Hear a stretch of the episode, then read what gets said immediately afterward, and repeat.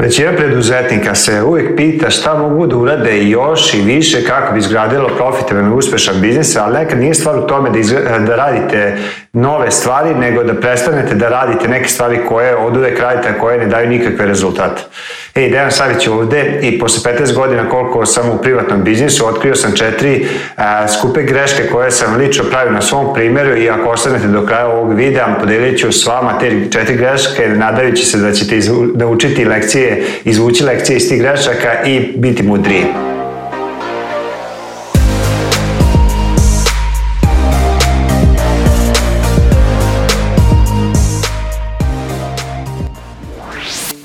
Kada je pitanje biznis, ja volim da biznis posmatram kao jednu igru i recimo kao a, futbalsku utakmicu zato što kad razmišljam tako kroz metafore jednostavno bolje, bolje mogu da razumem neke stvari i u futbalskoj utakmici ako, ako hoćete isto je kao u biznisu. Postoje neke stvari na koje morate a, e, biti, a, e, morate biti kristalno jasni i da bi, bili, da bi tu utakmicu dobro odigrali. U biznisu i, u, i recimo ako igrate futbalsku utakmicu prva stvar jeste da shvatite koju igru igrate. I prva greška koju sam ja pravi jeste ja, da ja nisam shvatio a, kada sam pokrenuo svoj biznis za knjigovoštve usluge koju igru da igram. Ja sam mislio da igram igru da ja a, sam knjigovođa, da je to u suštini biznis, da sam u biznisu knjigovoštva, davanje tih knjigovoštvenih usluga i trebalo je 7 godina da shvatim da ja, dok sam igrao tu igru, ja sam onda sebi e, e,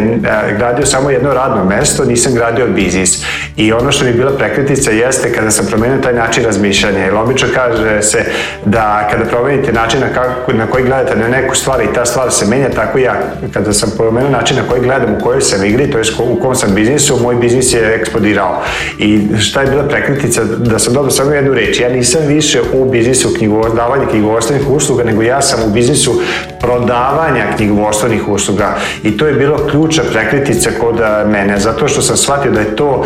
najvažnija veština, jer ja ako sam e, bio ta osoba koja je knjižila izvode fakture, predavala PDV, jednostavno ja sam bio ograničen a, sa mojim vremenom, nisam mogao da razvijam taj biznis, a biznis znači da je nešto što može funkcionisati i rasti bez vas, ali dokle god sam ja bio u toj operativi, svakodnevno taj biznis nije imao šanse da raste. Ali kad sam ja postao najbolji prodavac knjigovodstvenih usluga, onda sam a, uspeo da do, dovedem nove klijente, da postavim sisteme i dovedem druge ljude koji će obavljati te, a, te poslove knjigovodstvene, a ja sam mogao biti dalje fokusiran na rast. I dosta ljudi se zaljube u svoju ideju, misle ako pravite dobre kolače ili ste dobar frizer ili ja, super ste programer da ćete biti, imati uspešan biznis, ali nećete dok ne shvatite. Znači, biznis pokrećete ne zbog toga da biste još više radili, nego zato da biste a, razvijali e, tu svoju ideju, a za to vam je potrebno da vi ne budete u tom biznisu.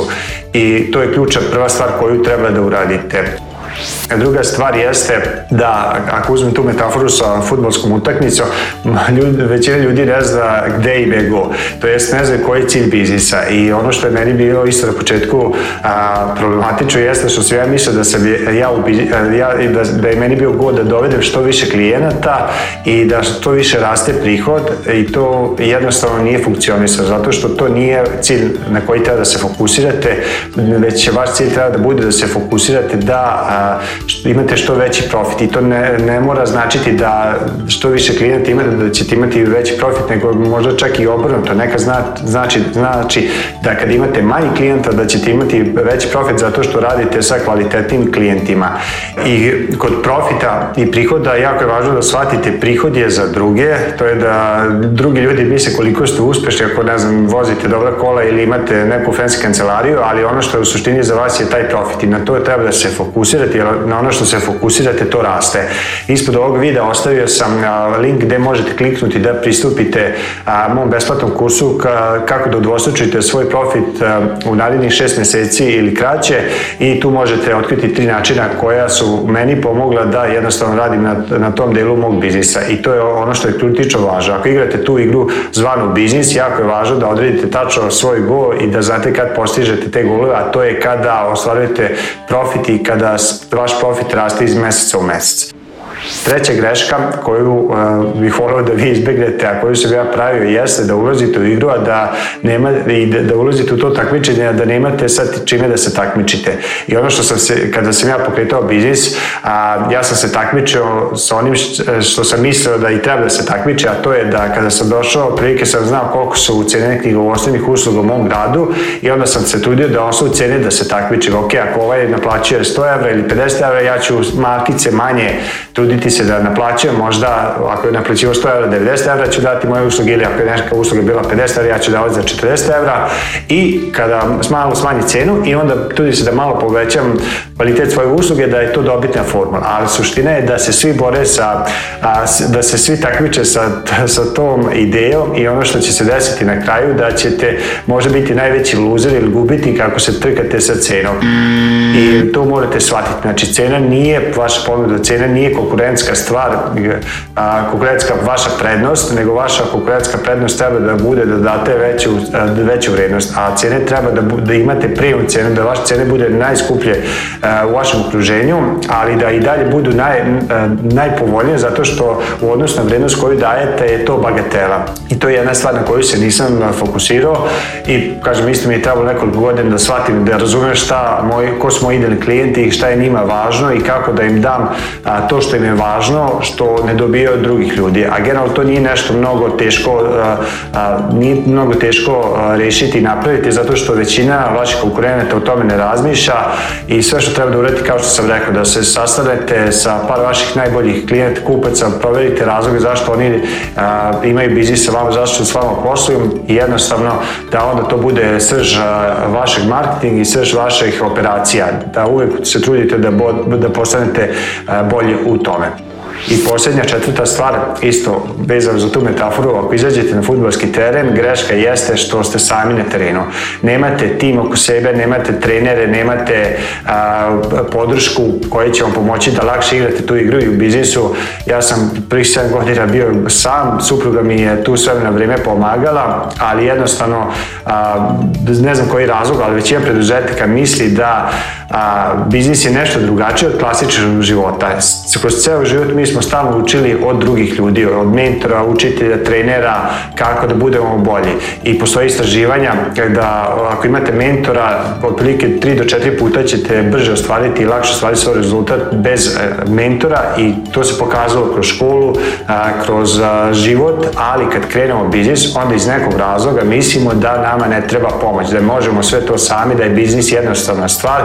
i to je jedna ogromna greška koju vi trenutno pravite. Znači, bez obzira ako pokrenete biznis i ako nemate dinar, nemate nikakav prihod na početku, kritično je važno da dađete odmah neku osobu koja a, veruje u vašu viziju, koja deli sa vama slične vrednosti, koja veruje da ćete vi uspeti da tu stvar izvučete i da postane profitabilna. I danas postoje dosta programa koji vam čak država plaća za vas a,